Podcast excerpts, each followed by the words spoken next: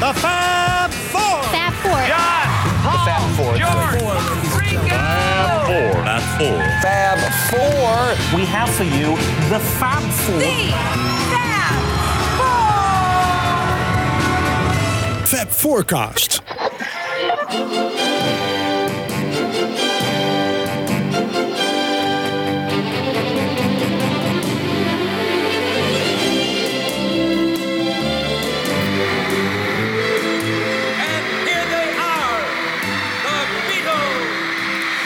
Goedenavond luisteraars, u bent weer op Radio Centraal met uw Mac Apple in ons wekelijks kwartiertje Beatles muziek. Laten we beginnen met Devil in Her Heart.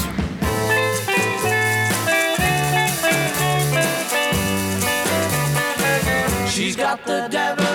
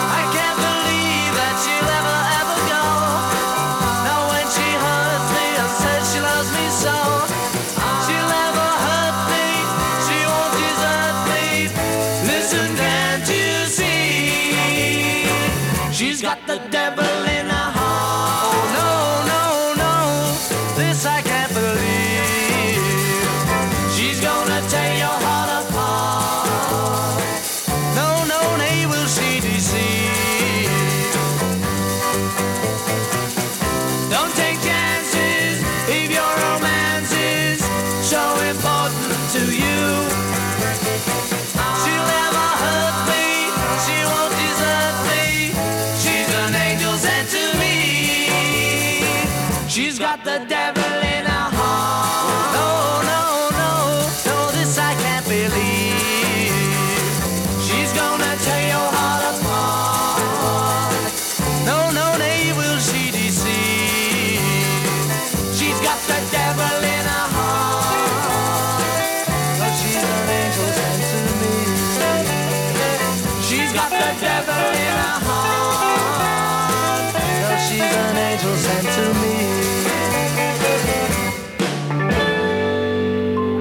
Jaar was platenmaatschappij Apple samen met de opsporingsdienst van de muziekindustrie, de Engelse politie en in samenwerking met buitenlandse korpsen op zoek naar deze bandopname. Codenaam Operation Windsor. Ze dachten eerder de banden in Amerika te hebben gevonden, in Oostenrijk, Luxemburg en in Australië. En er werden bootleggers, handelaren in illegale muziek opgepakt. Het bleken kopietjes van kopietjes, meestal onvolledig. De echte Nagra-tapes kregen ze maar niet te pakken.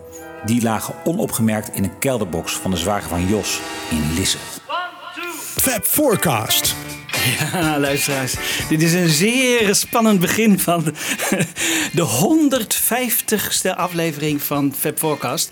En daarvoor hebben we een hele speciale gast. Die in de eerste plaats eh, alles weet over de affaire die net genoemd werd. Maar die ook begonnen is als discjockey in Den Haag.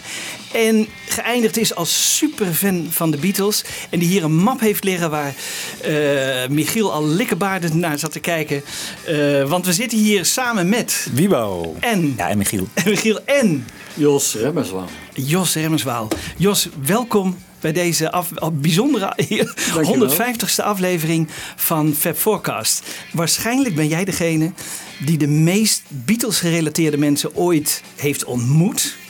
In denken wij. Nederland, in denk. Nederland, Ja. in Nederland hè, moeten we wel even. Maar als Nederlandse fan heb jij. Je had een enorme verzameling handtekeningen. En je hebt nog steeds wat dingen. En eh, het is ongelooflijk. En de, de, de affaire van 20 jaar geleden van de Naga-tapes. Daar weet jij ook alles van. Dus eh, er is genoeg te bespreken vanavond. Vertel eens, hoe is het allemaal begonnen? in 1963, in de zomer. Toen ehm, de eerste Beatle-geluiden uit Engeland te horen waren. She Loves You in september. Ik luisterde s'avonds naar eh, Radio Luxemburg op eh, de middengolf. 207 meter, ik weet het nog. Er zat een beetje een ruisje in. Mijn zus luisterde ook vaak naar Radio Luxemburg. Naar Elvis Presley, eh, Paul Anka, Cliff Richard. Maar ik moest daar toch in die dagen een, van die radio wegduwen. Want, dan, want elk uur werd er al wel een Beatle-plaat gedraaid. Waaronder, ik herinner dat Devil in a Heart op een avond eh, doorkwam. En dat noteerde ik dan. En dat bleek ook eh, op een van die LP's te staan. Broadcasting on 208 meters, this is your station of the stars, Radio Luxembourg. Well, come on in. De Beatles luisterden ook hè, naar eh, Radio Luxemburg. Het schijnt van wel, maar dat wist ik toen niet. En, en die, die hadden altijd een beetje zweverig geluid, zeiden ze. Het kwam niet helemaal helder Ja, over. Was klopt. dat hier in Nederland ook zo? Het was redelijk goed te beluisteren. Ja. Oh, Het zat ook wel dichterbij, denk ik, hè? Dan, eh Dan, eh, Engeland. dan- dan Liverpool, Luxemburg. dan Liverpool ja, waarschijnlijk, Er is hè? een hele zee over. ja, ja. Ja. Maar die liefde voor, voor Luxemburg is bij de Beatles altijd gebleven. Want eh, journalisten van, van Radio Luxemburg die kregen altijd ook een beetje voorrang bij interviews en zo. En, eh, Ja. en jij hoorde daar voor het eerst de Beatles. Op de Nederlandse radio Ja, was dat nog niet. Nog niet zo, maar wilde je... Zo één of twee keer per uur werd er al een Beatle-nummer gedraaid. En dan moest je dan al die andere nummers luisteren. Paul Anka, Cliff Richard. Maar dat vond ik het leukst om te horen. En er was al wat te koop in Den Haag. Nou, mijn eerste singeltje in het najaar was eh, I Wanna Hold Your Hand.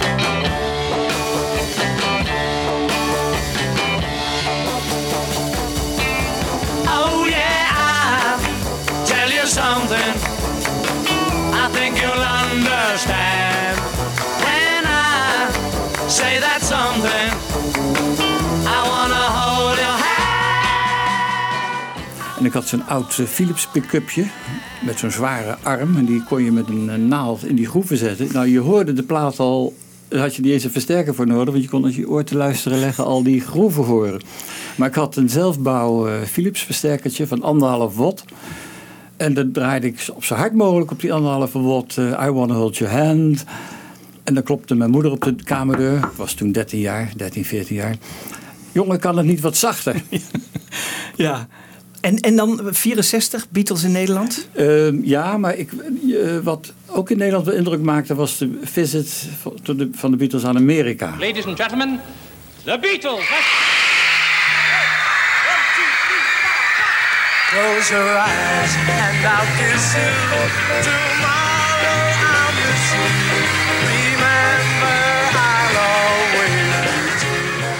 er werden foto's in de muziekparade, Muziek Express. Die stonden er al toen al vol mee. Die knipte ik uit en dat plakte je op je behang. Totdat eh, in juni de Beatles naar Nederland zelf kwamen. Maar in die dagen was er nog eh, school op zaterdag, morgen. Dat was eh, voor gold eigenlijk voor het hele land. En ik was op mijn veertiende jaar en eigenlijk nog niet ik, ik, zo stout om te gaan spijbelen. Of om daarheen te reizen. Ik had mijn zakgeld was ook niet toereikend genoeg.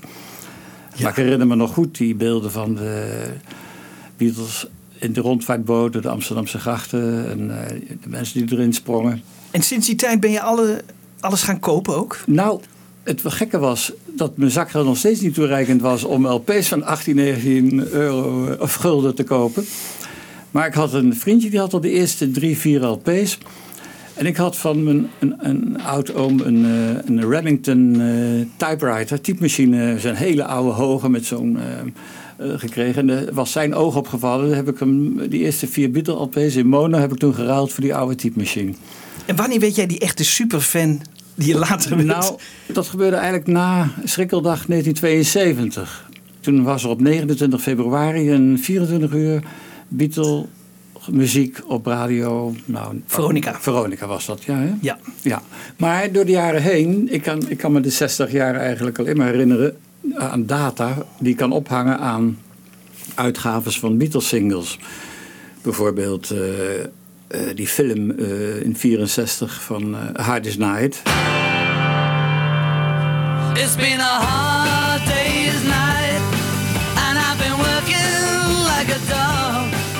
twee keer gezien. Dit was in een eh, West End Theater in Den Haag. Fahrenheitstraat. Hoe werd daar nou in zo'n zaal hè, op gereageerd? Ik bedoel, waren die jonge lui, eh, gingen die ook schreeuwen in zo'n zaal of was het helemaal stil? Een beetje onrustig, maar niet echt gillend of zo. Nee, nee, je wilde wel de muziek eh, horen en de, de film zien. Ah, ja. Maar een jaar later, in, met de film Help, die kwam een week eerder uit in Rotterdam dan in Den Haag. En toen heb ik met een, ben ik met een vriendje op de fiets, ik was 15 inmiddels, naar Rotterdam gefietst. Om die kleurenfilm al een week eerder te zien in Rotterdam. Zover ging dus die. eh, nou, die heb ik daarna misschien nog wel drie, vier keer gezien. En er was een oom van me in Nijmegen, waar ik die zomer logeerde. Die zei: eh, Nou, die wil ik ook wel eens zien. Zullen we daarheen gaan?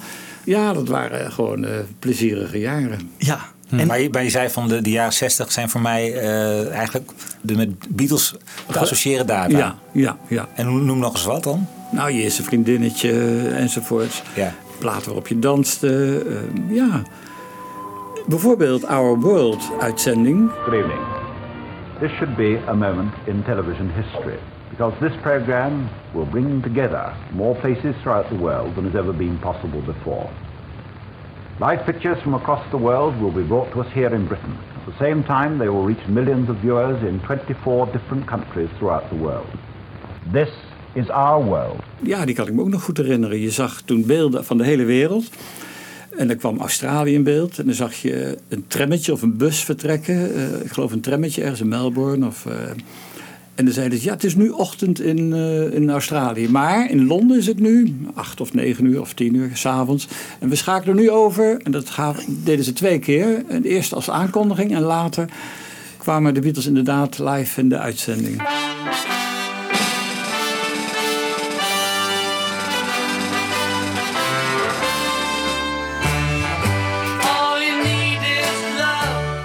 Maar jij volgt de Beatles dus al heel erg op de voet in de jaren 60. Ja, ja. En, en krijg je dan als Nederlands jongetje, weet je dan bijvoorbeeld ook, ja, oh, nu zit ze in India en zo? Krijg je dat allemaal mee? En hoe krijg je dat dan mee? Nou, dat was voornamelijk gebaseerd op eh, die tijdschriften. En af en toe een krantenkop, maar niet zo sterk die krantenkoppen zoals die in Engeland eh, te lezen waren. Nee, dat vraag ik me dan ook af inderdaad. Hoe komt dat in Nederland over? Ja. Hè?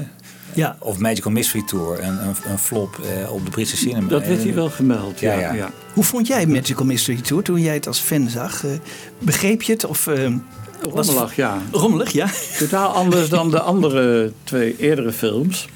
En werd hij ook uitgezonden op de Nederlandse eh, tv Dat eigenlijk? weet ik niet, maar ik weet wel nog dat de Engelsen teleurgesteld waren... omdat hij op tweede kerstdag van 67 werd uitgezonden in zwart-wit... terwijl hij in kleur bedoeld was. Ja. Ja. Maar even later werd hij toch in Nederland uitgezonden? Dat weet ik niet zeker, maar het zou goed kunnen, ja. Ja. Ik heb hem op, op een goed moment wel gezien. Let It Be? Eh, ook, ja. In, dat was meer eh, in 70, 71. Die Ja. zal in de bioscoop geweest zijn, denk ik. En, die, en die, werd, eh, die was een beetje vaag van beeld, omdat die van eh, 8 of 16 mm uitvergroot werd naar 35, ja. Ja, Dat, dat- ja, dat weet je nog. Nou, dat hoorde ik dat, dat, eh, dat de kwaliteit slecht was, maar dat deerde je niet om, want je wilde ze in actie zien. Maar dan word je superfan eigenlijk, zeg je, schrikkeljaar... Of nee, wat was het? eh, nee, Nou, eh, 72? Ja, want toen, dat was ongelooflijk achteraf. Er ging die vier, dacht ik, die vier monoplaten, die eerste die ik in mono had, wilde ik ook in stereo hebben. Maar toen dacht ik dat ik die monoplaten niet meer nodig had. Toen deed ik die weer weg, want die waren in feite tweedehands geweest. Later wilde ik weer de monoplaten terug, omdat ik ontdekte dat er verschillen waren. Ik kwam in aanraking met de Beatles werkgroep. En ik begon een artikelserie te schrijven, Here, There and Everywhere, als bijdrage. En eh, daar ging ik met name de verschillen opschrijven. Van aftellen van eh, de koebel die je hoort in I Call Your Name. En op de, de monoversie of de EP-versie die weer afweek. Dat was eigenlijk het begin van wat later eh door andere lui veel meer uitgeplozen werd. En handtekeningen verzamelen, wanneer begon dat? Toen ik eh, voor wat centjes beschikte. Toen mijn zakgeld eh, wel toereikend was. Maar rond welk jaar was dat? Ik denk eh, de jaren tachtig. Ja, En toen was het in Liverpool nog wel goed mogelijk. Eind jaar, nee, midden jaren zeventig begon het al. Daar heb ik ook op mijn Beatledag een eh, boekje van een meisje dat dat verkocht. Die had het in de jaren 50, of in de jaren 60 bedoel ik, eh, verzameld. Je hebt het boekje wel eens gezien. En dat kon ik voor 50 pond kopen. Dat was best veel. Maar eh, ik dacht, nou, vooruit. Er stonden nog wel ook een heleboel lege bladzijden in. En die heb ik later gebruikt om iedereen die ik ontmoette ook te laten tekenen. En toen werd het een heel vol boekje. Wie staan daar allemaal in dan? Ja, van eh Alan Williams, eh, Linda McCartney, Paul McCartney, George Harrison, John als kleine jongen, eh, Julian. George Martin heb ik later inge- bijgedaan. Eh, ik had op een gegeven moment een handtekening van Brian Epstein gevonden. En dat was een los briefje, die heb ik ook daarin geschoven. Mel Evans, eh, Cynthia. En heb je de meerderheid van die mensen ook ontmoet? Zelf die handtekeningen gevraagd? of Eh, eh, Brian dan niet, denk ik, hè? Maar eh, Nee, nee. bijvoorbeeld Mel Evans of zo? Of, eh, Tony Barrow, Tony Barrow, ja, ja, ja. En eh, Williams. Tony Bramwell.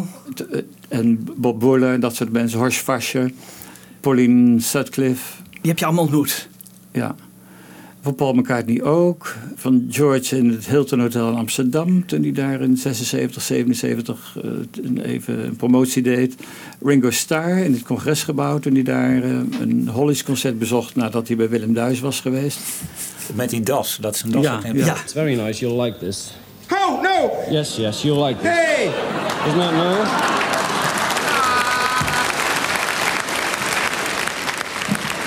Nou, leuk hoor. Begin ik het nieuwe seizoen. Prachtig. Vanmiddag gekocht. 27,50. Met de vijven. Ja, 27,50. De zeven met de vijven. Ja. Leuke boel. Yoko Ono ook, hè? Ja, na afloop van haar concert in het congresgebouw. Toen hadden we Mojo afgesproken, René van Haarlem en ik, hadden we gevraagd of we haar mochten ontmoeten. En ehm, na lang wachten, of veel telefoontjes die René allemaal gepleegd had, hebben we haar een boek eh, van Vincent van Gogh kunnen aanbieden. En ze zat toen op een kamertje in de afloop en ze had een eh, vriend Sam Heftertoy bij zich. En een Chinese acupuncturist die haar behandelde. Maar ze was vriendelijk. Ze wilde even poseren voor foto's. En, eh, nou, Ze was blij met het boek. En we zeiden dat we genoten hadden van het concert. Zie, je hebt ook, en dat vind ik wel heel grappig, vier vervalste handtekeningen van de Beatles. ja. Ja, want het is heel moeilijk om echte en onechte handtekeningen van elkaar te onderscheiden. En Paul Fraser is er vrij streng in. En Paul uit Engeland, hè, van Tracks. Ik heb hier bijvoorbeeld een- nu in mijn handen vier namen.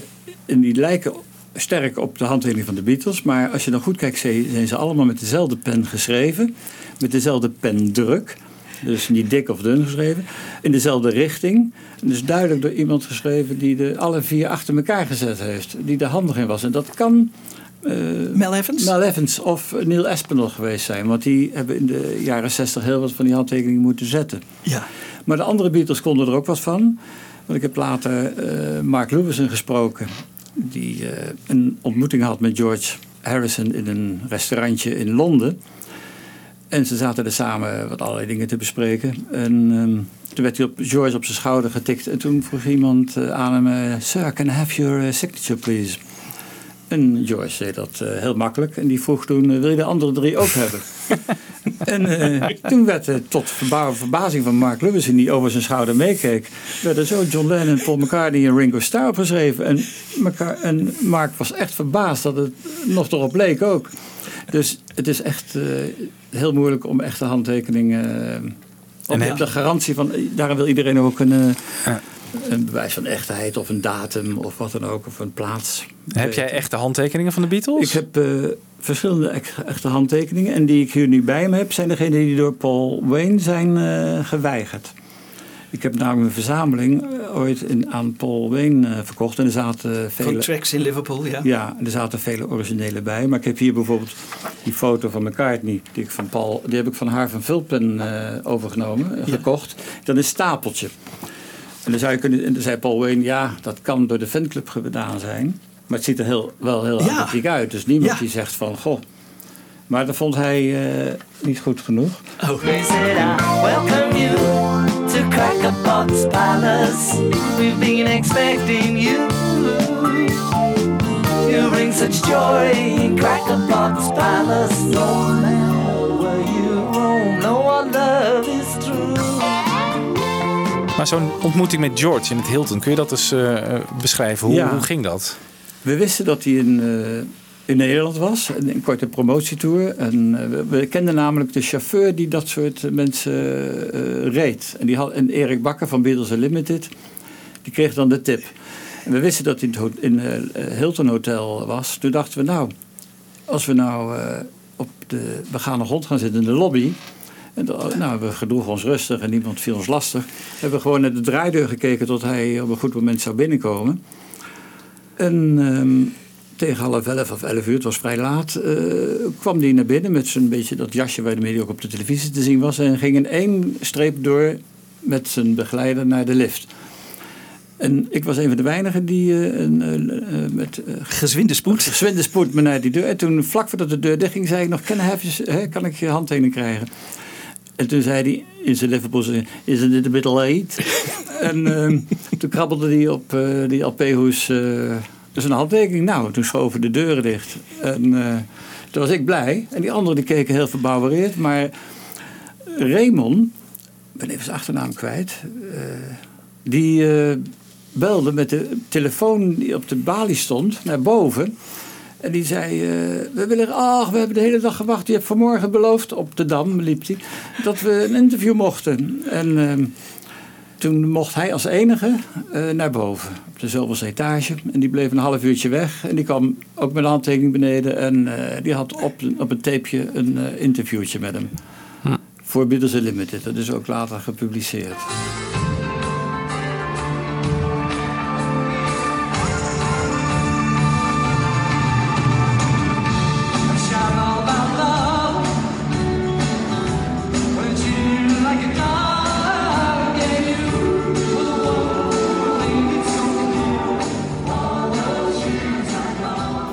Hebt ook nog een keer met George toch, eh, terwijl hij stond te spelen, contact gehad eigenlijk. En Dat was eh, de derde keer. Want de tweede keer was hij in Bussum, maar toen zag ik al in zijn rug. Maar de derde keer was, die, was ik op dat concert voor National Health. Of wat was het? Law Een, Party. Natural Law Party. Ja, Natural Law Party. Ja. En wij hebben toen kaartjes besteld. En dat was, eh, toen zou hij in de Royal Albert Hall optreden in 1992, 93 ongeveer. Ik weet het, de datum niet precies.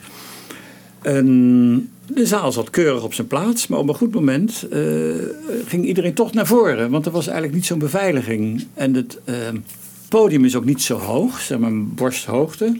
En, George die zag die mensen op zich afkomen. en Die, die keek wel een beetje verschrikt uit zijn ogen. Maar omdat iedereen zich netjes gedroeg eh, en niet op dat podium klom of wat dan ook, is hij gewoon door blijven spelen.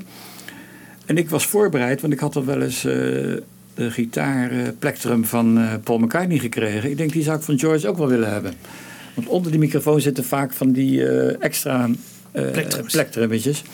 Dus ik had een klein briefje al voorbereid in mijn borstzakje zitten. En ik hield hem zo naar boven. Er stond op, can I have your pick please?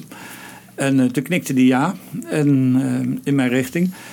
En op een gegeven moment was het nummer afgelopen. Toen gooide hij dat eh plektrummetje naar mij toe. En ik probeerde hem te vangen, maar hij viel op de grond. En een ander die had hem beter. Dus ik hief mijn arm meteen van... verd- verdomme, ik heb hem nog niet. Dat zag hij ook. En toen knikte hij weer naar me. Het komt goed. En na het einde van het volgende nummer... toen deed hij een stap naar voren. Wat hij de hele concert niet gedaan had. kwam hij tot aan de rand van het podium... en drukte hem echt in mijn hand. Dat ik hem had. En eh, nou, ik was als een kind zo blij, want dat ding is 50 cent. Zonde. Het is een stukje plastic. Ja. Ja. Overigens, wat ik ook zo mooi vond, jij hebt aan de poort bij George Harrison gestaan, hè, van zijn Ja, huis. ja. Het Ja. was het grappige. Er stond, er stond een waarschuwingsbord van... eh, ja, eh, wat was het? Niet, niet betreten in het Duits. Eh ne pas dit en ne pas Don't- dat. don't En het- trespass, ja. ja. Maar er stond ook een Amerikaans uit. En get the eh, hell out of here. dat vond ik wel leuk. Klinkt wel als George, ja. ja. Wat leuk. En McCartney heb je dus ook eh, ontmoet. Dat zal ongetwijfeld ook bij de, Ja, de Countdown-uitzending geweest. Ja. Jan Kees was ja, ook. Ja, ja, ja. Ook ja, maar ook andere keren. Ja, ja, heel vaak zelfs. Want je vertelde net iets over Wings Over Europe. Ja, was de eerste dat was keer. de eerste keer dat ik hem in levende lijven zag. En dat is toch een bepaalde sensatie. Als hij dan aangekondigd wordt en je ziet dan een Beatle voor het eerst in het echt, is er toch gaat er iets door je heen. Het viel me op dat hij een veel te korte lange broek aan had. Een wit broekje met tot boven zijn enkels. Een soort matrozenpakje. Dat vond ik zo raar. En ehm, Linda zat op een orgeltje naast hem te spelen. Die had een handdoekje die ze hem iedere keer aan hem gaf. Dat was ook wel heel eh, vertederend. Dat hij eh, even zijn gezicht kon deppen. Dan gaf hij het handdoekje weer terug. Na de pauze had hij een, ehm, een, meer een glitterpakje aan. Dat zie je ook in die Bruce McMouse eh, show als je die goed kijkt. Oh ja. Ik zie precies wan- wanneer de opnamen uit Den Haag zijn. toen begon hij ook wat meer te rocken. Hij had ook al filmbeelden op de achtergrond. Wildlife, daar zag je filmbeelden van meeuwen en, en, en, en meren en watervallen enzovoort. Maar de vlam sloeg pas echt in de pan toen hij eh, het laatste nummer aankondigde en eh, Long Sally speelde. Toen kwam ineens iedereen omhoog en, eh, en toen werd ook de drukte erg groot rond het podium. Buiten stond op het parkeerterrein bij de artiestenuitgang die dubbeldekker, die bus waarmee hij door Europa trok. Daarna zou hij nog in Antwerpen, in Berlijn spelen. En vorig jaar kwam dus die Bruce McMouse eh, uit, die, video. En eh, ja, dat, toen begon ik met terugwerkende kracht die muziek weer te waarderen. Best Friend en al dat soort eh, nummers. The Mess. En ja, ik kan met een zekere trots vertellen dat ik op het eerste live nummer dat McCartney uitgebracht heeft, eh, mee heb mogen klappen. Haha, In de mes, zaal. Ja. Want het werd natuurlijk de B-kant van Maar je eh, hoort me niet My verder. Love, geloof ik. Ja. Maar ik was Ja. met enkele du eh, duizenden, 1500 man, dus eh, dat applaus eh, onderscheidt zich niet van anderen. Dank u.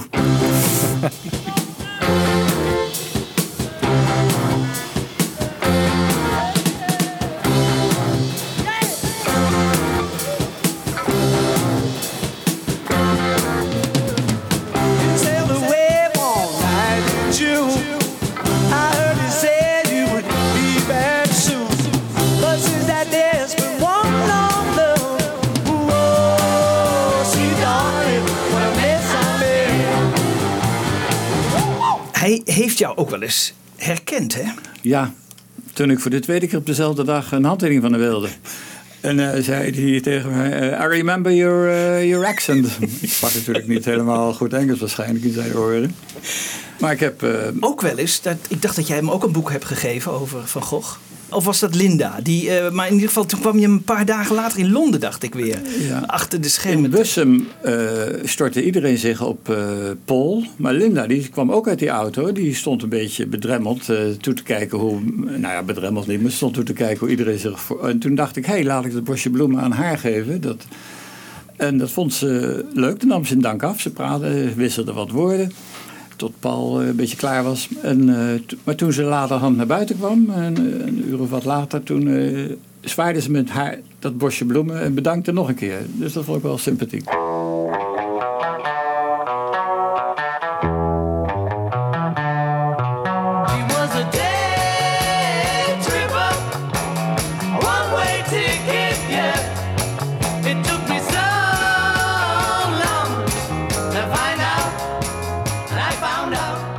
Ook bij hun in de woonkamer gekeken.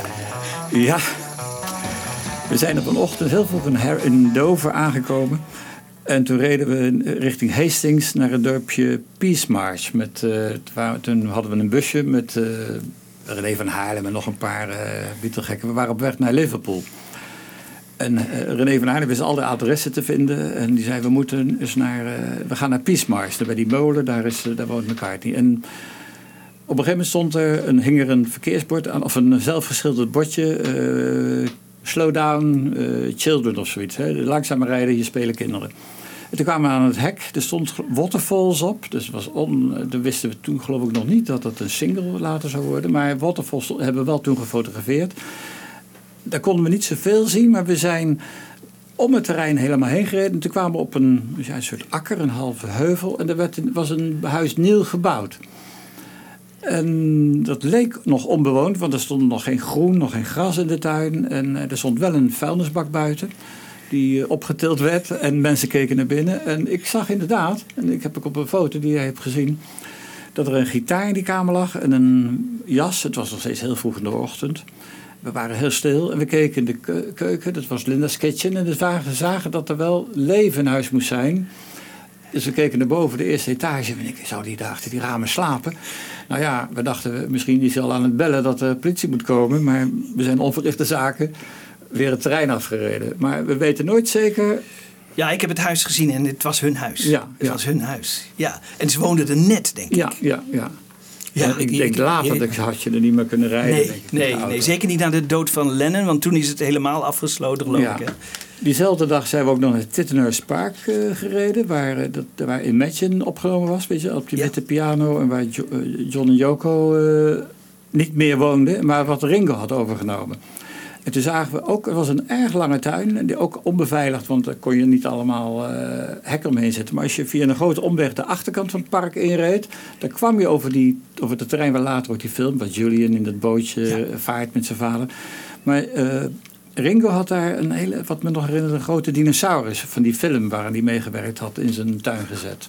En zijn jullie heel dicht bij dit? Tot aan het, dat je het huis zo zag, zoals het Paleis Soesdijk ongeveer erbij, weet je wat, maar niet echt tot aan de voordeur gereden. Want eh, ook trespassers would be prosecuted en zo stond er eh, weer. Ja, ja. Dus, eh, ja. Er waren ook grenzen voor jullie. Jawel, maar bijvoorbeeld eh, in Kinfounds, Escher, eh, hebben we nog dat, ook dat oude huis van ehm, George. eh, Oh ja. George. Is dat wat we hier zien? Want je hebt foto's meegenomen. Ja, ja. Dit is het huis van ehm, George, Kinfounds. En er woonden nieuwe- waren nieuwe bewoners. Die lieten jullie binnen? Of zo, die mochten ja, jullie... die mochten zien. Mochten door de tuin lopen. En eh, ik geloof dat iemand nog een paar losse tegeltjes... eh, ik heb er ook een van gehad, van het zwembad. Een heel klein, eh, anderhalf bij anderhalf centimeter tegeltje, geglazuurd. Gla- glas namen we mee. En we kwamen binnen, toen herkende ik wel de foto's van... Simon en Marijke Koger. Die schouw. Die, die, die schouw die ze in allerlei kleuren hadden, die was nu weer helemaal wit. En, eh, waaronder zat misschien nog de originele psychedelica schildering. En er was een, projector, een, een projectiekamertje waarin met een eh, films konden worden bekeken. Dat, maar die werkte niet meer. Of die, dat kamertje werd niet meer gebruikt. Maar ik denk wel dat George dat gebruikt heeft. Ja. Met Peter Sellers of zo. eh. Ja, en daar zijn toch ook die beroemde opnamen gemaakt hè? met de Beatles in... eh, ja, daar kwamen we later achter, ja. Ja. Ja. Ja, over- over wanneer hebben we het nu dan? Is Eh, het de dit jaren... is eh, jaren, Z- begin jaren tachtig. Begin jaren tachtig, Ja, ja, oké. ja. Dat waren Want het bestaat niet meer het huis.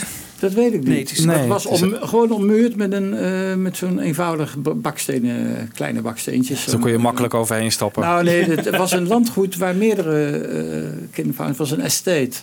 Waar meerdere van dat soort huizen lagen. En die bungalow was... eh, Maar, Ja, de- want ze zeggen altijd, zeg maar, na de dood van Lennon begint de Beatles-industrie een beetje te komen. Was dat toen al zo, eh, naar jouw gevoel? Of is het eigenlijk toch een clubje Ja. hele fanatieke Beatles-hobbyisten van de Beatles Nou, fanclub? Of en ik, eh, nog geen wel- georganiseerde reizen, zeg maar, toch? Nee, nou, dat deden we zelf. Ik weet nog dat in de jaren zeventig kon je heel makkelijk met elkaar iets ruilen. Als jij een singeltje My Bonnie miste en ik had hem dubbel en jij had weer een een of ander boekje, dan werd het heel snel geruild. En, eh, maar na, in de jaren tachtig, toen de prijzen wat omhoog gingen, werd al eh, gauw gezegd: Make me an offer that I can't re- refuse. Hè? Eh, Doe me maar een bod. Toen werd het ruilen ineens veel moeilijker. En ik had ook wel moeite om eh, mijn verzameling eh, te bekostigen. Maar eh, ik had een eh, leuke truc ontdekt eh, eind jaren 1978, 79. Dat als je, toen kwamen de eerste trademark of quality bootlegs al in Nederland. Ik wist op een gegeven moment iemand die ze importeerde. En ik dacht, hé, hey, als ik er nou vijf koop en vier doorverkoop... dan heb ik mijn eigen exemplaar hou. Maar dan kan ik met die winst die ik op die vier andere maak... Kan ik, eh, heb ik weer een zakcentje. En eh, totdat die handelaar tegen mij zei eh, van... eh, zou je niet, eh, jij bent toch eh, verbonden met die Beatle-werkgroep of die Beatles eh, Limited. Zou je niet wat, eh, wat meer eh, aan de man willen brengen? Ik zeg ja. Ik zeg dat eh, kost me geld. Zei hij nee. Hij zei eh, ik lever eerst die LP's en ehm, zodra je het geld hebt dan eh, reken je maar met me af.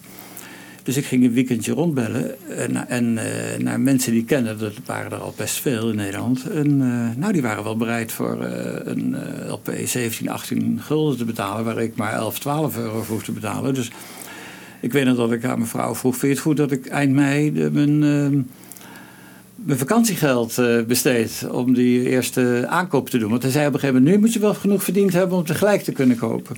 En ik bouwde heel snel op Beatle-dagen eh, een grote klantenkring op. Weet je nog wat voor nummers waren dat? Nou, bijvoorbeeld eh, Yellow Matter Custard, al die, die eerste BBC-nummers. Well, I got a woman way across town. She's good to me.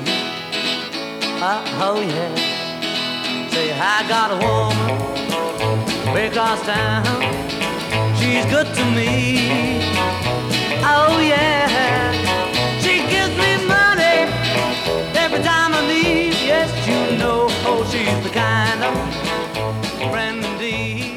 De Decca tapes, Decca songs, dat soort eerste muziek.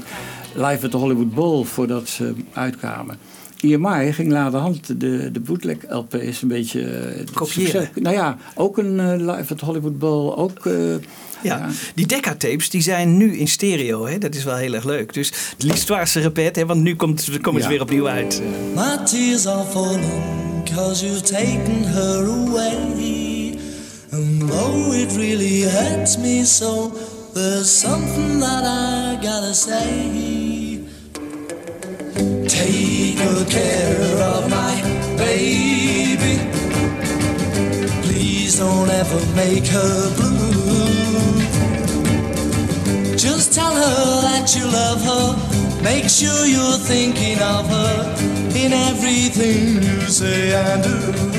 Even over die bootlegs, hè? want jij bent fanatiek verzamelaar van handtekeningen, maar eigenlijk van alles wat je kan vinden van de Beatles, wat enigszins uniek en bijzonder is. Je gaat zelf bootlegs samenstellen ook, of, of, of haal je ze vooral? Nou, eerst der- werd ik gevraagd aan door lui die dicht in dat wereldje of ik opname kon leveren. Nou, dat was niet al te moeilijk. Hè. Soms, eh, maar die wilde je zo graag in eh, zo goed mogelijke kwaliteit.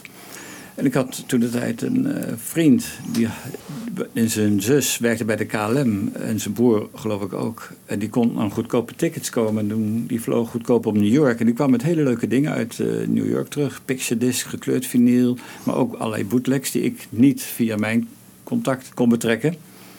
Maar op een gegeven moment kwamen we erachter dat de Italiaanse LP's waren. Ik geloof Once Upon a Time. En daar stond zo'n SAAE-stempeltje op. En die waren legaal gepest in Italië, waar de auteurswetgeving eh, toestond. Dat als je daar eh, auteursafdracht aan betaalde, kon je daar een, eh, een, een LP laten persen.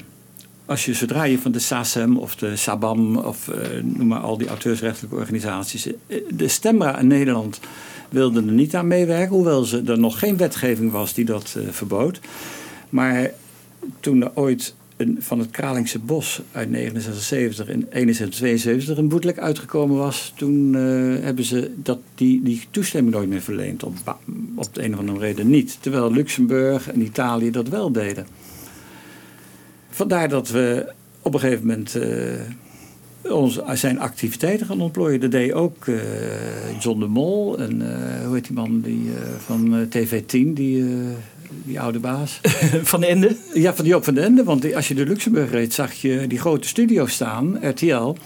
En die hadden een U-constructie bedacht. Dat als je in, s morgens van kwart voor zeven tot zeven uur een eh, Luxemburgse tv-uitzending deed, Niels, in het Luxemburgs, dan kon je de rest van de dag in het Nederlands zenden. Want Yellow Dog Records, dat is ook jouw, jouw label. Hè? Ja, dat Toch was- een zeer gerenommeerd bootleg label. Ja, ja. We kwamen op die naam omdat er in Den Haag eh, een, ooit een Amerikaan een winkeltje had geopend waar ik eh, Jelle met de Custard had gevonden. Die stond, zat al hing als een eh, gekleurd vinyl aan de muur. En die winkel heette Yellow Dog. Toen, heb ik, toen dacht ik, ja, die LP die wil ik van de muur af hebben. Maar hij had hem als wanddecoratie. En ik wist al, hij zei, ja, dat heet Jelle met de Custard. Dat was jaren 72, 73, of misschien 74. Die heb ik van de muur afgepraat. En heb ik thuis gewassen, want er zat wat kalk op. En eh, op mijn draaitafel gelegd. Maar nog even terug te komen op die eh, vriend, partner, met wie ik eh, later in, in zaken ging. Die had goede contacten in Amerika en daar konden we, ontmoetten we mensen die weer contact hadden met radiostations. En die hadden vaak op de plank eh, tapes liggen. Van live-opnames, van Bruce Springsteen, Elvis, eh, noem maar op. Van uitzendingen die ze wel nog hadden bewaard op de plank. Die je tegen betaling een kopie van kon krijgen.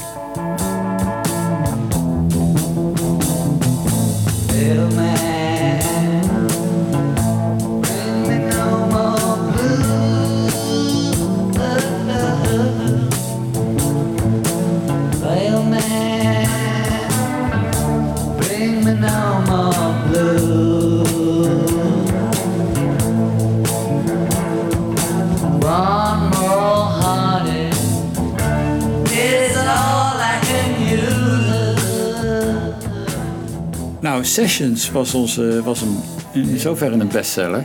Dat, ehm, dat was echt eh, het beste wat we ooit uitgaven, geloof ik. Toen was, hadden we een vriend in Australië. Nou, Engeland had, was, was van plan om die sessions uit te brengen. Die trokken ze op het laatste moment terug. Weet je wel, met de Mailman, Bring Me No More Blues en al dat soort dingen.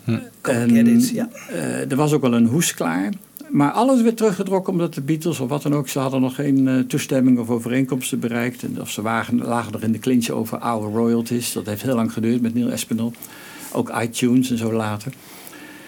Maar in Australië was er één man en die had wel van een van die eh, banden die naar Londen terug moest, eh, een van die masters, een kopie gemaakt. Nou, en, die hadden we al in Amerika ontmoet. En die, die deden ons voorstel. Die we niet konden afslaan. Dus we hadden op een gegeven moment... eh, soms viel het ook letterlijk in je schoot. Ik weet nog dat ik in eh, Los Angeles was. En eh, toen luisterde ik naar Rupert the Bear en nog een paar dingen. Nou, dingen die ik nooit gehoord had. Wings over Switzerland. En ik zo, ah, wat mooi, leuk. Ja, alles vond ik leuk. En op een gegeven moment gooide hij een cassettebandje in mijn schoot. En zei, hier, als je er maar een mooie hoes omheen doet. Dat was het enige. nou, dat beloofd is beloofd. Jos, jij bent toch ook in begin jaren tachtig in Londen geweest toen met die Abbey Road Show, of niet? Ja, ik eh, was goed bevriend met eh Venno Werkman. Ik ben hem nu een beetje uit het oog verloren. En die had eh, veel filmopnames. Jij weet wel ongeveer hoe die eraan gekomen is. Die werd op een gegeven moment op Road uitgenodigd om in de zomer van 82 of 83 zou, moesten eh, de studio gerenoveerd worden. Maar Studio 2 hielden ze open voor een videoshow. En dan zouden ze voor het eerst outtakes uitbrengen die ehm, ehm, John Barrett had eh, uitgezocht. John Barrett was een EMI-man die eh, op een gegeven moment bij wie kanker was geconstateerd. En eh, die wel nog kon werken. Maar die wilde ze, omdat hij ook een Beatle-fan was, hebben ze hem op eh, de tapes gezet. Dus dat hij mocht alle tapes beluisteren. En die heeft voor het eerst, en die aantekeningen hebben we ook. Die Mark Lewison heeft, dezelfde, heeft later de gelegenheid gekregen Ja, ja. om die tapes te beluisteren. Maar die Ja. eerste, eh, in die control room, draaide wel eens in een tas een opname mee. Dan hoor je ook wel de. Daar is veel gekopieerd. Ja, hè, door, ja, ja, ja. Ik dacht dat Roger Scott daar ook bij was. Ja, die is overleden, dus die naam mogen rustig En John. Barrett is ook overleden. Ja, ook overleden. Mark Lewison, die eh, is laterhand gevraagd, die, die was bang dat hij ermee geassocieerd werd. Maar wij, eh, wij konden hem aantonen dat het al eh, eerder dan zijn, voordat hij... Ja, aan het project begon. ja, ja, ja. Ja, maar, je- onder, was- o- onder jouw ogen is dat dus eigenlijk gebeurd daar ook. In, in, Nou, ik was niet daar bij die, eh, maar eh, ik weet hoe het, alle, ik Hoe weet het gegaan de is. hazen gelopen hebben. Ja. ja. ja. ja, dat, maar dat- daar kwamen toch hele bijzondere tapes uit voort. Toen, hè? Uit die, uit die Ja. opname die daar ooit door die mannen daar zijn Ja. gemaakt. Ja. Hè, dus eh, hè, de Strawberry Fields, eh, take 1, 2, 3. Ja. eh, wat, ja, wat ja, is allemaal alles wat we alles. op Anthology en, en, en, en meer uitgekomen is. Ja. Living is easy with eyes closed, misunderstanding all you see. It's getting hard to be someone, but it all works out. Doesn't matter much to me. No one I think is in my tree. I mean, it must be high or low. That is, you can't, you know, tune in, but it's alright. That is, I think it's not too bad. Let me take you down, cause I'm going to Strawberry Fields. Nothing is real, and nothing to get hung about. Strawberry Fields forever. Dat was toch een enorme hit ook allemaal. hè? Ja, nou. Dat waren eh, gouden tijden. Ja, want nu haal je alles van eh, internet af. Als je maar één nummer wil zoeken, je gaat het zo. En als er nu een, een- nog wel eens een wit plaatje of een iets uitkomt, dan wordt het direct door een leuk op. eh, dus heeft helemaal geen zin meer om. eh, de handel ligt, eh, is wat dat betreft dood. Ja.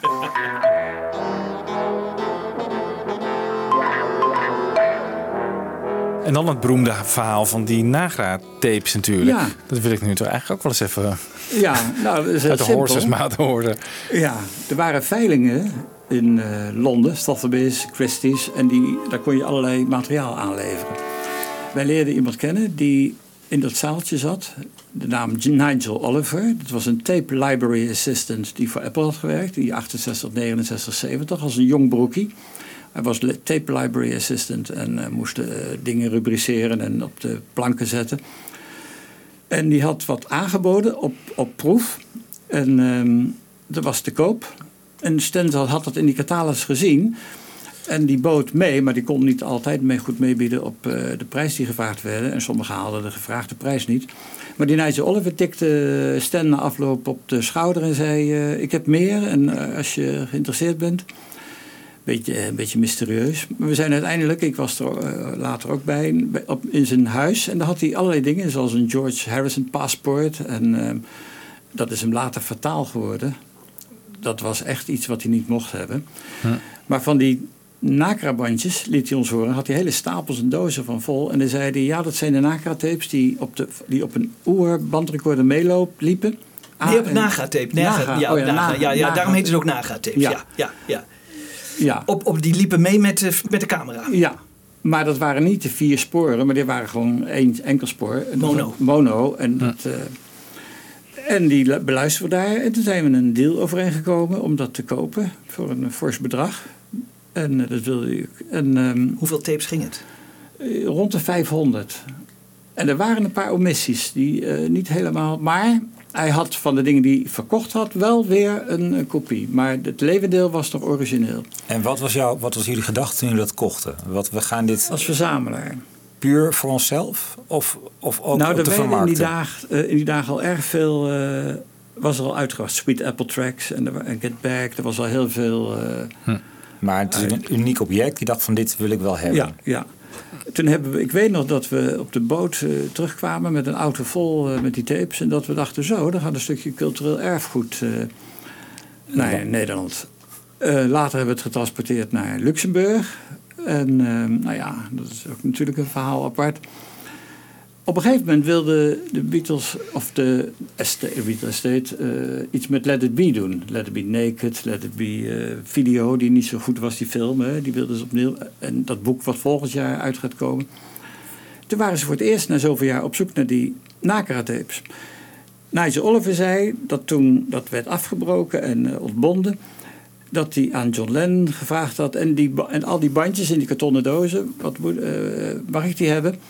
En die had John Lennon hem toestemming gegeven... om dat achterin zijn volkswagentje mee te nemen. Dat is wat hij ons vertelde. En daar moesten we ook van uitgaan. Toen namen jullie ze mee en heb je ze allemaal beluisterd? Uiteindelijk, toen we ze terug wilden verkopen, op een goed moment begon Nigel Oliver, nadat we in Londen waren geweest voor een concert waar hij ook was, eh, dat was rond eind 2002, eh, ging hij zeggen dat hij eh, geïnteresseerd was in die tapes terug te kopen. Dus, en toen had hij een, een, fors bedrag over, groter dan dat wij voor hem betaald hadden. En dat vonden we goed. En wij hebben onderhandeld. Achteraf bleek dat we te weinig hadden gevraagd, want hem werd voor een grotere worst voorgehouden. Achteraf bleek het een hele undercover operatie te zijn geweest, omdat hij dingen ging aanbieden zoals het George Harrison paspoort, heeft hij de aandacht op zichzelf gevestigd. En, eh, en toen kwamen ze er ook achter dat hij eigenlijk via hem die Nakra-tapes eh, in zijn handen waren geweest. En toen is hij eigenlijk gebruikt door de Engelse justitie Ja. om jullie te pakken. En, ja, door een undercover operatie hebben ze hem eh, naar Nederland gestuurd om te kijken met, dat hij, hij kon bedragen bieden enzovoorts. Hem werd nog grotere bedragen in het vooruitzicht gesteld. Hij is erin getrapt, wij zijn erin getrapt. Maar ik heb in ieder geval gezorgd dat ik eh, toen alles wel, alles afgedraaid heb en daar een, eh, op een CD-rommetjes alles gezet heb. En toen wilden ze dat ik naar Engeland kwam met die, eh, met die tapes. En toen ging er iets door me. Toen zei Sonja, doe dat maar niet. Laten ze maar naar Nederland komen. Want dat is wel zo makkelijk. En toen werden we, naar dat, toen zou er een William met eh, de, bank, de bankier, of die dan dat zou regelen, met een tussenpersoon naar, die zijn op Schiphol gekomen, hebben afgehaald, hebben netjes naar Lisse gereden. En dan komt die kelder van, ehm, De neef? van, eh, ja, van mijn zwager in beeld, waar ze opgestapeld lagen en waar we ze ook hadden laten zien. Want we, toen Nigel een paar weken ervoor was, hebben we foto's ervan gemaakt. Met een krant van die Ja. datum Oh ja. enzovoort. Ja, nou ja, heel, het is wel een soort. Het is wel eh, een heel Heineken spannend. Ja, het wordt eigenlijk een heel raar verhaal. maar dat vonden we wel gek. Maar Nigel Oliver was sowieso een raar persoon. Die heeft hij ook later eh, heeft hij zich eh ontoerekeningsvatbaar laten verklaren in het proces. Hij is eigenlijk nooit veroordeeld. Hè? Hij heeft een, eh, Dus hij is ontkomen eigenlijk aan Ja, het ja. Oh, ja, in het proces in Engeland, Ja. waar wij nooit hebben aan deelgenomen. Nee, nee.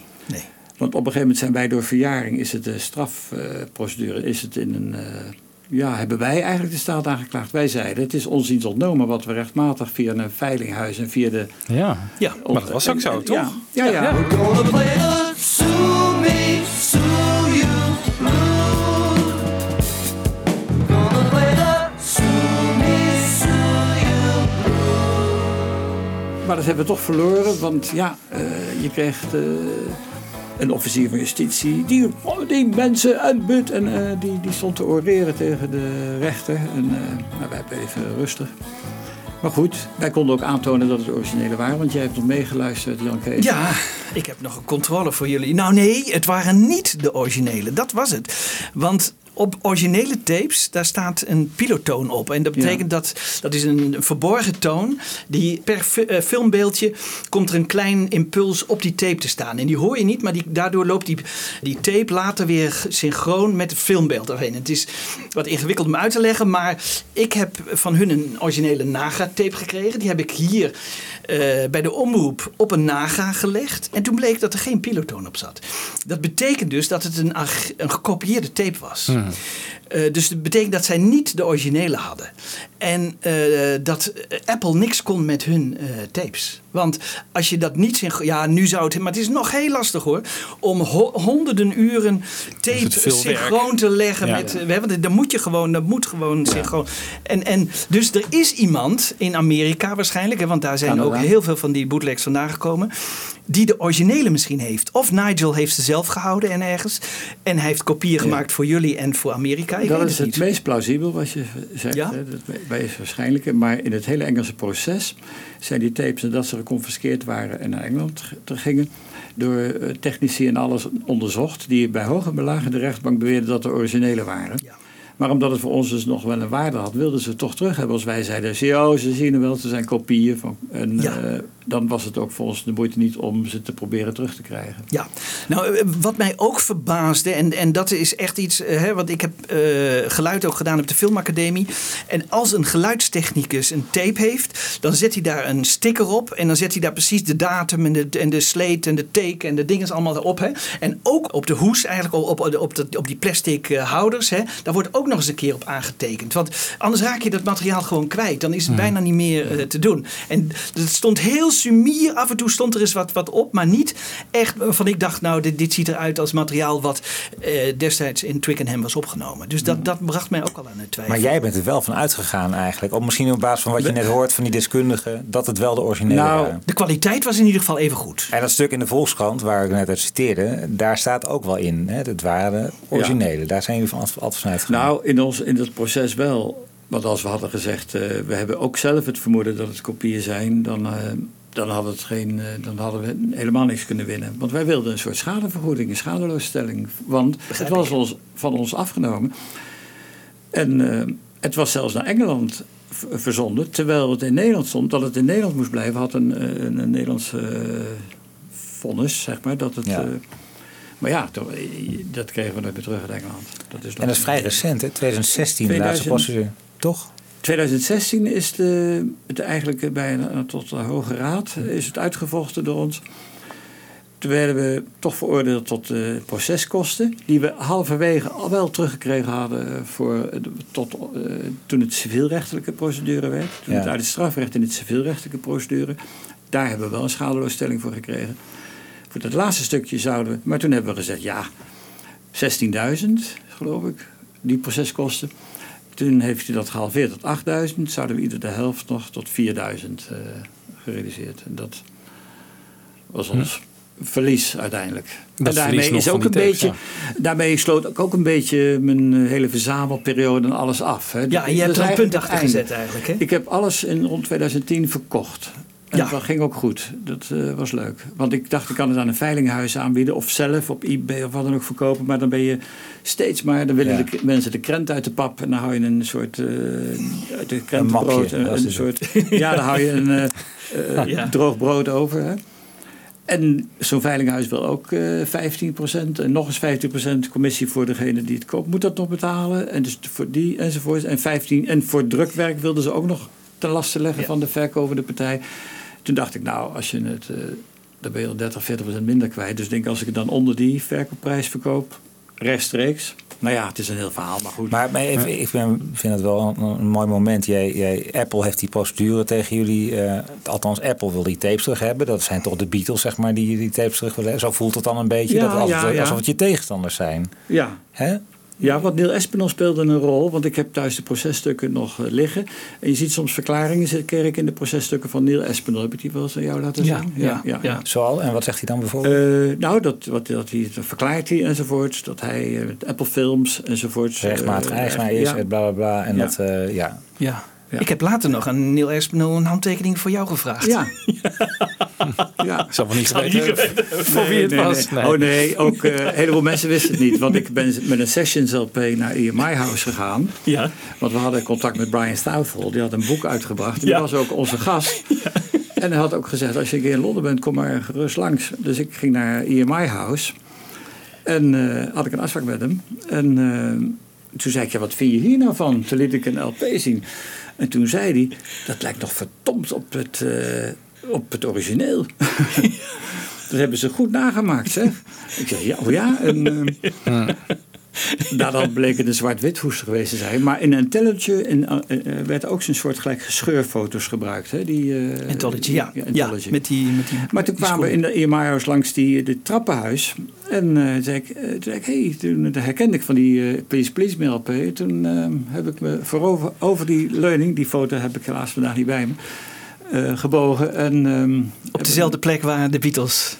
over die balenstraling. Dat hebben ze in 69 nog een keer herhaald. Hè? Ja. Ja. Nu is het, eh, later werd het trappenhuis met glas bij afgesloten. En nu is het, bestaat het helemaal niet meer. Nee. In my house. Onvoorstelbaar, dat soort dingen. Ja. Ja, we zijn, afgebroken. Ja. Ja. Maar ik geloof dat die met- trap nog wel ergens... eh, Paul heeft een paneeltje, geloof ik. zoiets, ja. Van die reling, geloof ik. Ja. Ja. Later op die dag zijn we ook nog eh, met René van Haarlem was erbij. eh, in, eh, op Savile Row geweest. Op het dak.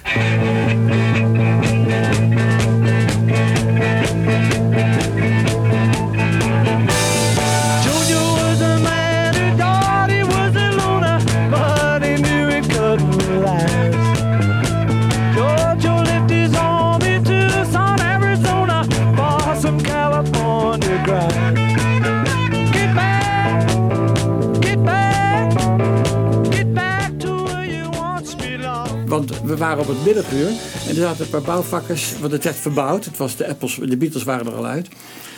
En het werd begin jaren tachtig verbouwd en helemaal gestript. En, eh, maar je kon nog via. Toen zaten een paar bouwvakkers buiten een kuchie te eten. En zeiden: We mogen even kijken. En toen- ja hoor, die, die vonden lang goed. Toen hebben we het trappenhuis, eh, de liftwerk, die is tot aan het dak gekomen. Waar dus Ja. die januari 69.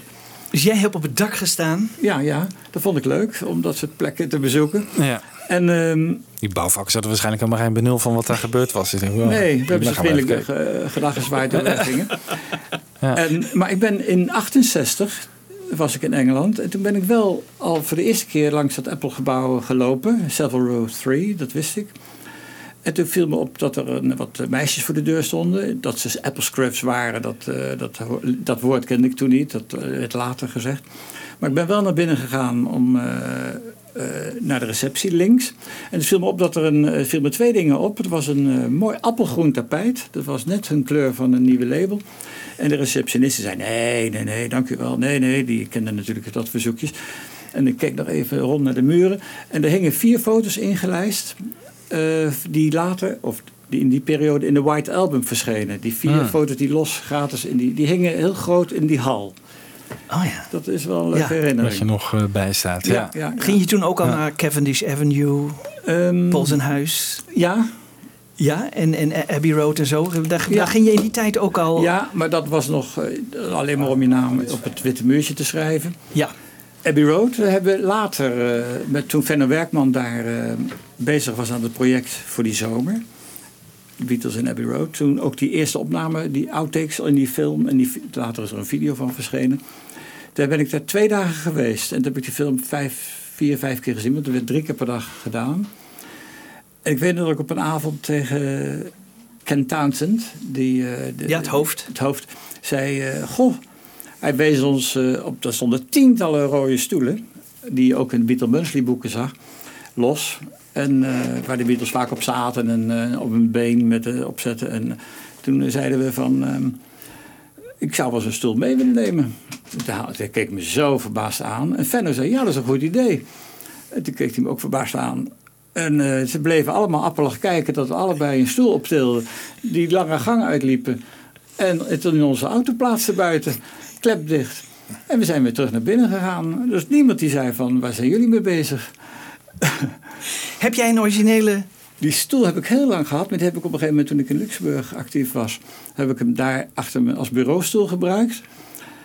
Maar op de een of andere manier... Is hij verdwenen? Weet ik niet meer waar ik hem voor het laatst gezien heb.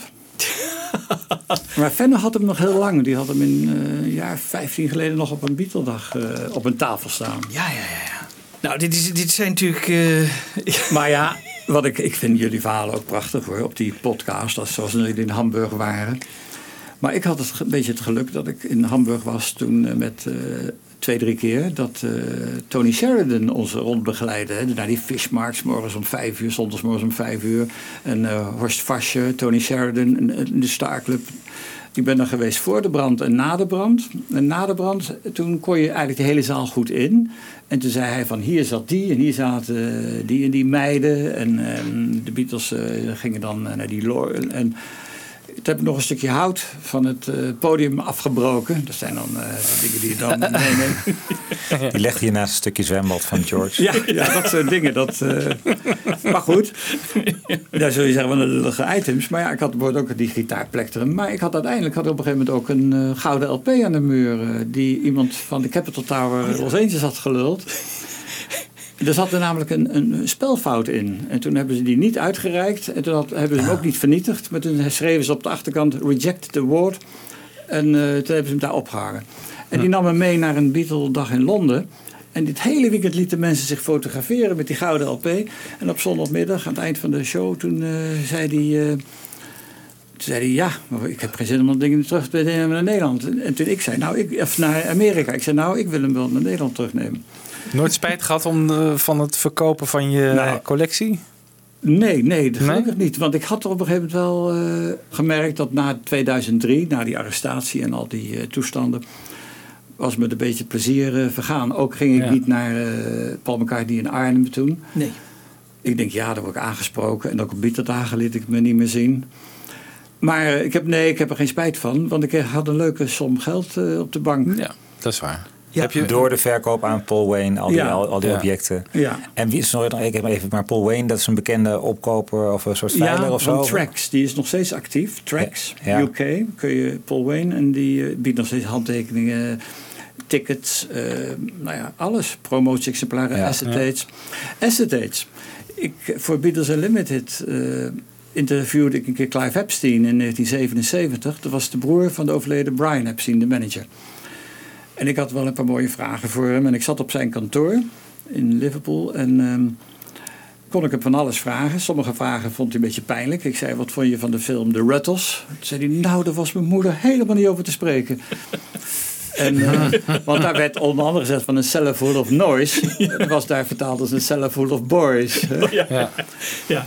Maar ik had hem van tevoren had ik, eh, wat indicatie gegeven waar ik het graag over wilde hebben. Of hij wat kon laten zien. En toen was ik ook zo slim geweest om tegen hem te zeggen... heb je bijvoorbeeld nog een acetate of een, I- een witte A-labeltjes. Dus toen ik... eh, op een gegeven moment ging zijn, zijn attaché-koffertje open. En eh, toen liet hij wat dingen zien. Een gekleurd vinyl uit eh, Japan dat hij had. Maar ja, dat vond ik niet zo heel bijzonder. Maar toen kwamen drie, vier acetates eh, naar boven. Leg even uit voor de, voor, voor, voor de zijn, luisteraar die het niet zijn, ge- zijn een soort lakkers. op, die zijn gesneden op de dag van de opname in een cutting room in Abbey Road. En dit heeft ook een Emmy Disc label. En er wordt handgeschreven dat het om welke take het gaat. Take one of take four. En er stond ook de tijd op. Dus ik kreeg op een gegeven moment What Goes On of wat dan ook. En, nog een paar van die dingen op mijn schoot. En die hield ik langer dan gebruikelijk vast. En ik stond zo lang te kijken. Zei hij, eh, wil je ze hebben? En eh, knikte van ja natuurlijk. En eh, nou, dit, met een soort wegwerkbaar mocht ik ze hebben. Dus ze gingen van zijn attachékoffer zo in mijn tas. Na de hand, eh, ja, die dingen die zijn, waren heel veel waard. Later vond ik een Tony Barrow, de persagent die eh, op EP'tjes en op LP's de liner notes had geschreven. Ik zeg, heb jij nooit, je hebt toch ook wel die eh, gehad? En die zei, ja zeker, ik had, ik had nou, ik kreeg ook die acetates om de liner notes te schrijven. Van, en hij zei, maar ik heb ze aan een charity shop eh, Dat is Ja. zo'n buurtwinkeltje waar je oude rommel kwijt kunt. Dus die Ja. hebben we argeloos Spullenhulp. Ja, een soort kringloopwinkel. Een soort kringloopwinkel. Ja, dat is echt eh, gebeurd. Ja, ongelooflijk hè? Maar hoe is dat? Ik vind het toch wel fascinerend. Je zit, je zit, je zit je leven lang, laten we zeggen... Je bent in 63 fan geworden, dus in 2003 zet je er een streep onder. Hè? Dat, is, dat is toch wel een moment, lijkt mij. Ook emotioneel eigenlijk. Om er, om, er, om er echt te zeggen van die Beatles, het zal allemaal wel. Ja. Het is toch een deel van jezelf geworden. Ja, ja. Waar je afscheid maar van ik neemt. moet zeggen, ik heb ongelooflijk, dankzij de Dan kan je niet zeggen alleen maar van ja, ik heb er leuk, leuk geld aan overgehouden. Nee, nee, nee. Dat, maar ik Dat heb ik sowieso wel. een heel leuk leven gehad. De jaren 60 waren heel leuk om in op te groeien natuurlijk. Eh, Ook omdat je dat allemaal live meemaakte van dichtbij. Hè? Die radioshows en die uitstapjes en noem maar op. En in de jaren 70, eh, die, eh, 72 McCartney op tour. Eh, In 76, 77 eh, kwam eh, Ringo in Nederland en George die dan eh, waar je, hè, die ontmoeten kon jaren 80, toen die tournees echt begonnen. Want eh, Sonja heeft in één jaar tijd daar, eh, drie Beatles ontmoet in eh, Liverpool. Sonja is je vrouw, die zit ze hier ook, ja. controle. nou, dat is ook uniek. Ja. Nee, maar ik wil even, even terug naar een vraag. ja, ja, Van wat, wat, hoe is dat dan? Want je, maakt- je zet er een streep onder en daarna is voor jou de Beatles echt helemaal... Nee, hoe nee, beleef nee, je dat want nou ik heb sindsdien? alle opnames heb ik. eh, je hebt alleen ik- en maar wat ik heel leuk vind, is dat de fakkel door jullie eh, wordt door, eh, voortgedragen. ik geniet van jullie kennis, van jullie, eh, zoals ook van Jorik van Noorden en iedereen die eh, Ja. hier eh, een bijdrage levert. In dat Ja. opzicht het eh, wel. dus jij kan eigenlijk gewoon wel zeggen, ja, voor mij was gewoon de Beatles, hè, dat, dat is natuurlijk een deel van jou, dat is, is zo gebleven. Alleen je neemt afscheid van het, eh, de hand, ja, wat je De daar fysieke maar- objecten, fysieke- ja. precies, Ja. ja. Ja. Daar Ja. kan je al een, een onderscheid in maken. Ja, ja. Ik heb nou onlangs bijvoorbeeld dat we gaan verhuizen een heleboel boeken en, eh, en platen weer weggedaan aan kringloopwinkel. En dan denk ik, hè, eh, die, hè, die, geen bitterboek hoor. Maar eh, het komt dan in andere handen. Jan Kees anderen zijn weer eh, blij. Iemand die erbij van wordt, alleen maar Ja. goed. Ja. Ja. Want Ja. hoe, Sonja, kan jij ons even bijkomen? Hoe is dat voor jou allemaal geweest om jarenlang zo'n fanaticus om, er- om daarmee te moeten leven? Ook even voor, onze eigen ega's. Wij zijn lotgenoten. Nou, ik moet zeggen, hij is er gewoon heel zoet mee geweest. hij vond het erg leuk. En ik vond het eigenlijk ook wel heel interessant om eh, ja, te zien hoe iemand zo gepassioneerd eh, kan zijn over de Beatles. En eh, ja, hij heeft mij natuurlijk ook een beetje meegetrokken de laatste. In, in onze beginjaren, zeg maar. En eh, ja, ik vond het fantastisch natuurlijk om eh, drie Beatles inderdaad in één eh, jaar nog te kunnen ontmoeten. Eh, ja, niet fysiek, maar wel in ieder geval erbij te zijn. En, en nog een beetje wat te voelen van die gekte van de Beatles. En eh, ja, Want je bent alle, alle. Beatle-dagen ging jij mee dus eigenlijk braaf. Ik zie jou hier ook op die foto staan. Ja, ja, ja. Ik ging, eh, toen ik hem pas leerde kennen, ja, toen ging ik natuurlijk heel braaf mee. En dat vond ik ontzettend eh, ja, leuk. Ook om eh, dat te voelen. Dat, dat dat nog steeds speelde bij de mensen. Dat mensen zo enthousiast kunnen zijn om, eh, om de Beatles eh, te zien. Ja, en ik zelf ook. Je zei, ze komen op en je denkt, wauw, daar staan ze. Ja. Dat gevoel Ja. heb je. Ja. Ja, en, Ja, maar jij en de was ook- verzameling. ik kan me nog herinneren dat jij ook mee naar Liverpool ging zelfs. Hè? Het concert van Paul McCartney. Ja, Dat ja, hij voor het eerst weer terug was in Liverpool. Dat was een, een belevenis. Dat vond ik geweldig. Dat is Schotse band, Mull of Kintyre. Ja, ja, ja. ja, ja, ja. Ik moet eerlijk zeggen, over de verzameling, die was ik op een gegeven moment wel zat. Want het, het kamertje puilde uit. En ik dacht, nou, ik wil nu een grote slaapkamer, dus weg ermee. Dus ik heb het een beetje gepusht, moet Ja, ik ja. eerlijk zeggen. Yesterday, all my troubles seem so far away. Now it looks as though they're here to stay.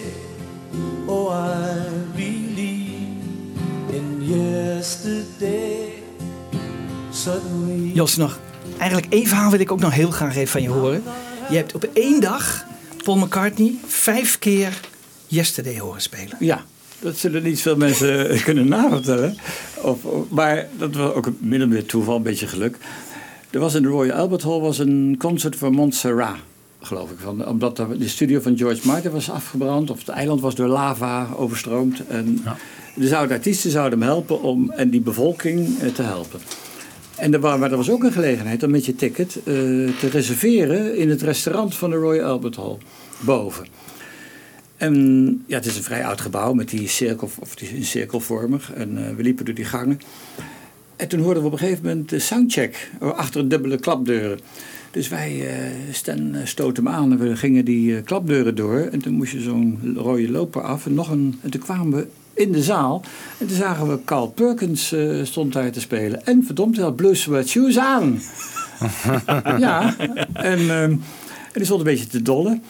En Paul die kwam op een gegeven moment ook op. En eh, die speelde twee keer eh, Yesterday. eh, af en toe het microfoontest. En die had een standaardje, dat was een enzovoort. En hij zou het spelen met de Brodsky Quartet. En ehm, die heeft hij twee keer met het strijkerskwartetje Yesterday gespeeld. Dus er waren in totaal vier keer. En uiteindelijk werd het het niet. Want uh, s'avonds werd het niet, werd het Brodsky kwartet trad niet op. Maar toen kwam eh, Paul McCartney helemaal voor aan het podium. eh, waar, wij waren inmiddels na de maaltijd in de zaal beland natuurlijk. En toen zong hij Jesse helemaal alleen, zoals hij dat, waar hij bekend om is. Met één spotje op hem. Dat was voor mij dan de, voor ons de vijfde keer dat hij het speelde.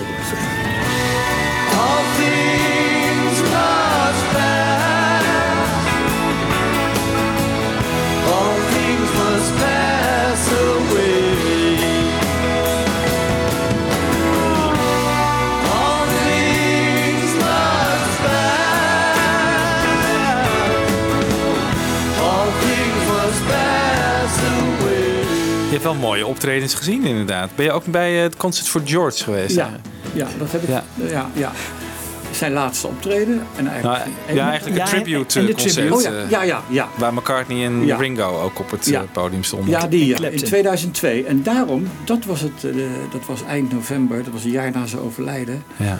Dat was ook het weekend dat we in Londen waren en met Nigel Oliver eh, contact hadden. En daar Ah. begon het te lopen. Uiteindelijk tot het culmineerde in die, eh, Ah, in, ja, ja, ja. in- in die eh, Ja, ja in die hele affaire. affaire in januari. Ja. Ja. Ja, ja. En jij hebt ook eigenlijk altijd hele goede contacten met Mark Lewis Ja, gehad. hè? ja, ja. Daar kon je alles aan vragen. En eh, hij werkte tussen aanhalingstekens mee aan wat wij deden. En eh, hij checkte een en ander. En eh, later zei hij, joh, eh, ik heb nu werk voor Paul en voor EMI. Eh, ik eh, wil me niet helemaal, ik heb niet Ja. zoveel tijd meer, om begrijpelijke reden. Maar hij was ook in Liverpool toen Paul in de Philharmonic speelde. Of die, de, en, een persconferentie gaf. En wij wilden er ook heen. Voor dat LIPA, of nee, dat, dat Liverpool Institute. Ja. En ja, er stonden vrij veel mensen te wachten. Want Paul zou langskomen. Die kwam inderdaad in zijn Land Rover. En die was Paul, Paul. En eh, nou, die ging door, eh, die zwaaide vriendelijk, ging naar binnen. Maar even die, om, voor zijn persconferentie. Maar ik zag ineens, eh, kwam Mark Lewis met twee Engelsen aanlopen. Die had een badge op, of die had een... en die mocht zo door die deuren. Maar, en ik ging in gebeende pas, liep ik achter hem aan. En ik knikte ook vriendelijk naar die, eh, naar die deurwaarders. En op een gegeven moment zei Mark, die keek achterom en die was van, oh, zei ja. En, eh, en die zei, nou, ga daar maar zitten. En, eh, ik heb twee, drie keer zo'n persconferentie bijgewoond, dankzij Mark. En met jou ook in Keulen, daar zijn we naartoe gegaan. Maar dat was een openbare. Ja, maar ook Standing Stone. Eh Ja? Laatste optreden van Linda in het openbaar. Ja? Daar was Mark ook eh, op die persconferentie van Paul McCartney. eh, ja. Ja. kan ik me ook herinneren. Ja. Ja. altijd goede contacten dus gehouden eigenlijk met Mark. Ja.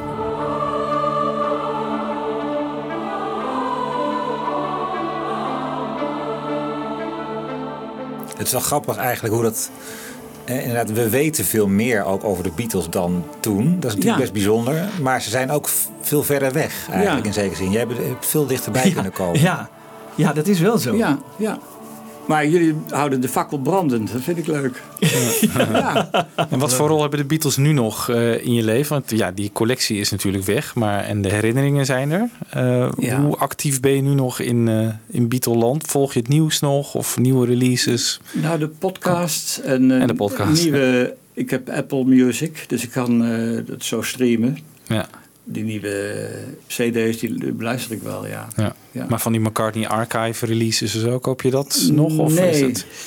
dat gaat erg verder. Er is zoveel, als je die dikke boeken Ja. ook leest, wat er allemaal outtakes zijn en nog meer en nog meer. En Ja. Lewison, lees je dat? Eh, De boek? Eh, dat boek heb ik wel gelezen. Toen had ik dat ook die extended version, die eerste.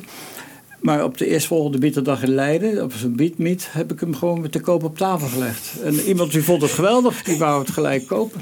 Ja. Want dan één keer lezen en dan Ja, is het klaar. Dat denk ik wel, ja, Ja. want Ja. het is best lijvig. Wat, wat zit in het kamertje, denk ik, toch? Eh, Hij moest weg van Sonja, denk ik. Ja. Ja, we gaan denk ik afronden. Ik, eh, we hebben Devil in Our Heart al gehoord. En ja, ik ben gewoon benieuwd. Is er één nummer waarvan je denkt van... nou, dat is voor mij altijd mijn ultieme Beatles nummer geweest? Of misschien een solo nummer? Of Ja. er, moet, er moet iets zijn. En daar wil ik mee afronden.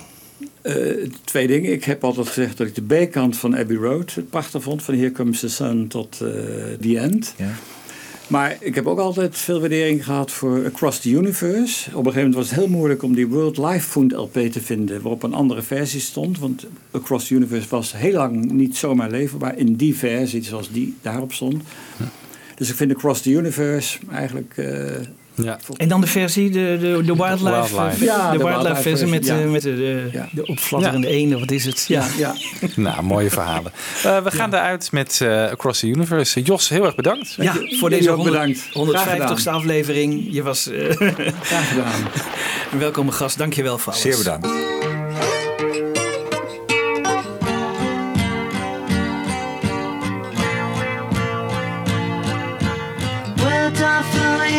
Like endless rain into a paper cup. They slither wildly as they slip away across the universe. Pools of sorrow, waves of joy are drifting through my opened mind, possessing and caressing me.